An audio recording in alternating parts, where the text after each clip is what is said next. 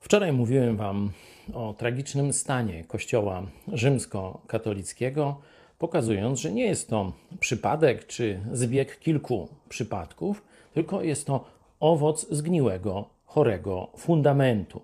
Ten Kościół wydaje złe owoce, ponieważ jest złym drzewem. Jezus powiedział, że nie może dobre drzewo wydawać złych owoców, a złe drzewo dobrych.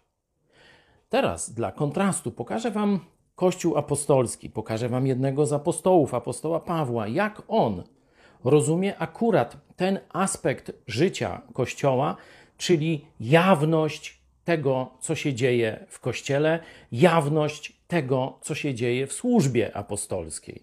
Kościół katolicki mówi, że jest Kościołem Chrystusa, że biskupi są następcami apostołów. Apostoł Paweł postępował w następujący sposób. Drugi list do Koryntian, piąty rozdział, werset jedenasty. Wiedząc wtedy, wtedy, co to jest bojaźń pańska, czyli mając szacunek i bojaźń przed Bogiem, staramy się przekonywać ludzi. Ale jak? A przed Bogiem wszystko w, nam, w nas jest jawne. Spodziewam się też, że i w sumieniach waszych jest to, czyli wszystko jawne. Kościół apostolski to kościół, który nic nie ma do ukrycia.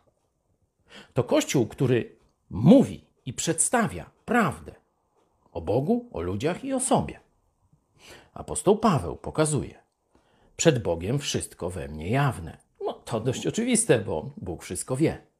Ale zaraz dodaje: Jestem przekonany, że i przed Wami wszystko jest jawne, co dotyczy mojej służby Bogu i ludziom. Porównaj teraz Kościół apostolski z Kościołem katolickim.